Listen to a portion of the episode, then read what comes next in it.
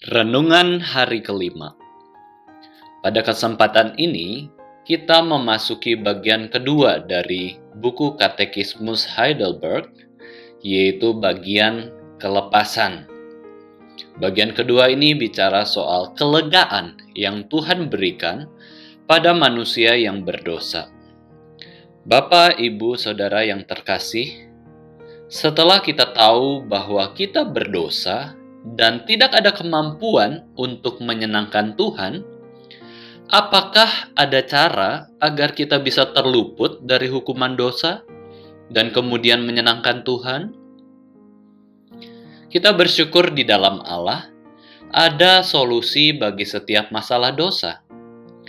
Allah yang adil itu akan memperoleh pemuasan keadilannya dengan caranya sendiri Allah yang murah hati itu dan penuh kasih itu akan menolong manusia yang berdosa untuk dapat taat firman Tuhan dan menyenangkan Allah.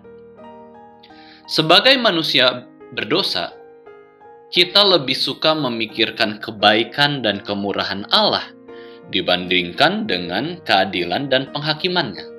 Itu hal yang wajar. Sebagai manusia berdosa, kita tidak ingin dihukum, dan kita ingin Allah mengampuni dosa-dosa kita. Namun, kenyataannya, Allah kita bukanlah Allah yang kompromi terhadap dosa. Dia adalah Allah yang kudus, Dia adalah Allah yang adil.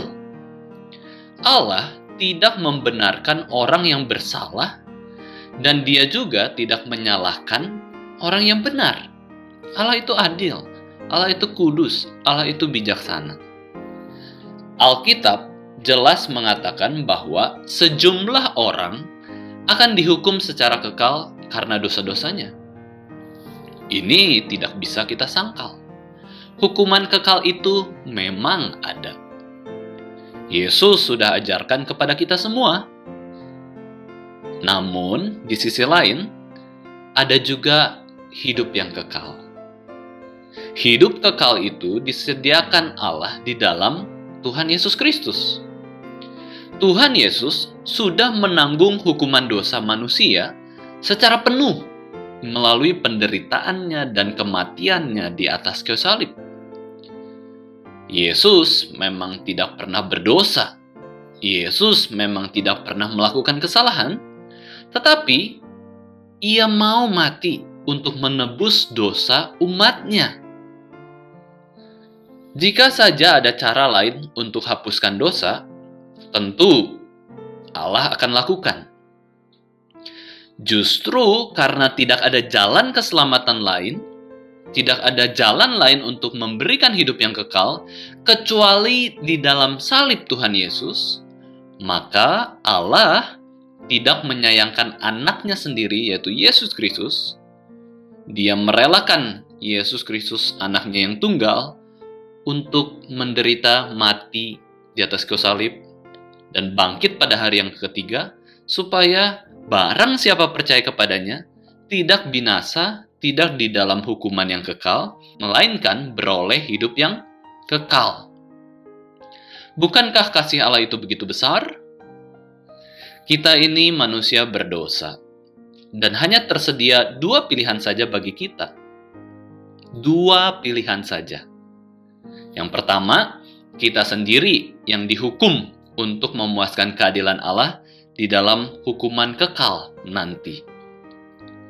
Atau yang kedua, kita butuh pribadi yang lain, orang yang lain yang mampu menanggung hukuman dosa kita supaya kita selamat. Tetapi kalau kita pikir-pikir kembali, Bapak Ibu Saudara sekalian, sebenarnya Apakah ada orang yang dapat memuaskan keadilan Allah? Tidak ada. Karena semua orang sudah berdosa. Bahkan kalau dihitung-hitung, hutang dosa kita semua itu terlalu banyak. Kita nggak bisa menebus dosa kita. Manusia lain tidak bisa menanggung hukuman dosa manusia yang lain. Karena semuanya berdosa. Demikian juga hewan dan tumbuhan Mereka semua tidak bisa menanggung hukuman dosa kita, sebab kualitas hidup hewan dan tumbuhan lebih rendah dari manusia. Hewan dan tumbuhan tidak diciptakan menurut gambar Allah. Jadi, kalau begitu, siapakah yang bisa menanggung hukuman dosa kita yang begitu banyak ini? Puji Tuhan, Tuhan berikan solusi bagi kita semua. Hidup kekal itu hanya bisa diperoleh melalui pribadi yang sempurna. Hanya Yesus saja yang bisa memuaskan keadilan Allah untuk menanggung hukuman dosa manusia. Yesus manusia 100%. Dia tidak berdosa, maka dia bisa menanggung hukuman manusia yang berdosa. Dialah pengantara kita menuju surga yang mulia. Sebab dia adalah Allah 100% dan juga manusia 100%. Dia bisa membawa manusia kepada kehidupan yang kekal. Bagaimanakah cara Yesus menanggung hukuman dosa kita semua? Yesus ketika dia menjadi manusia di dunia ini, dia pernah disiksa begitu besar dia pernah dikhianati, dia menderita, dia dicambuk, dia diludahi, dia dipukul, dia memikul salib, dia dimahkotai duri, tangan dan kaki Yesus dipaku di atas kayu salib. Lalu dia mati untuk menanggung hukuman dosa kita semua. Dia mati untuk kita. Tetapi puji Tuhan, pada hari yang ketiga dia bangkit, memberikan keselamatan pada kita semua.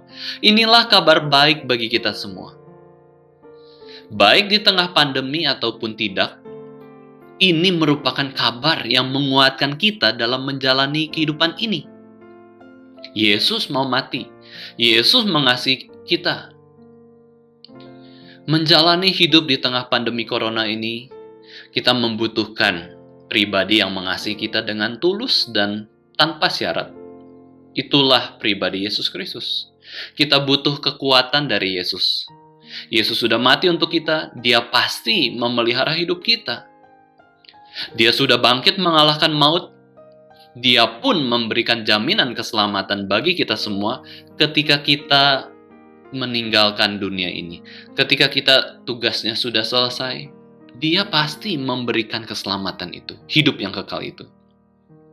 Pertanyaannya, maukah kita lebih percaya pada Yesus? Maukah kita mengenal Yesus?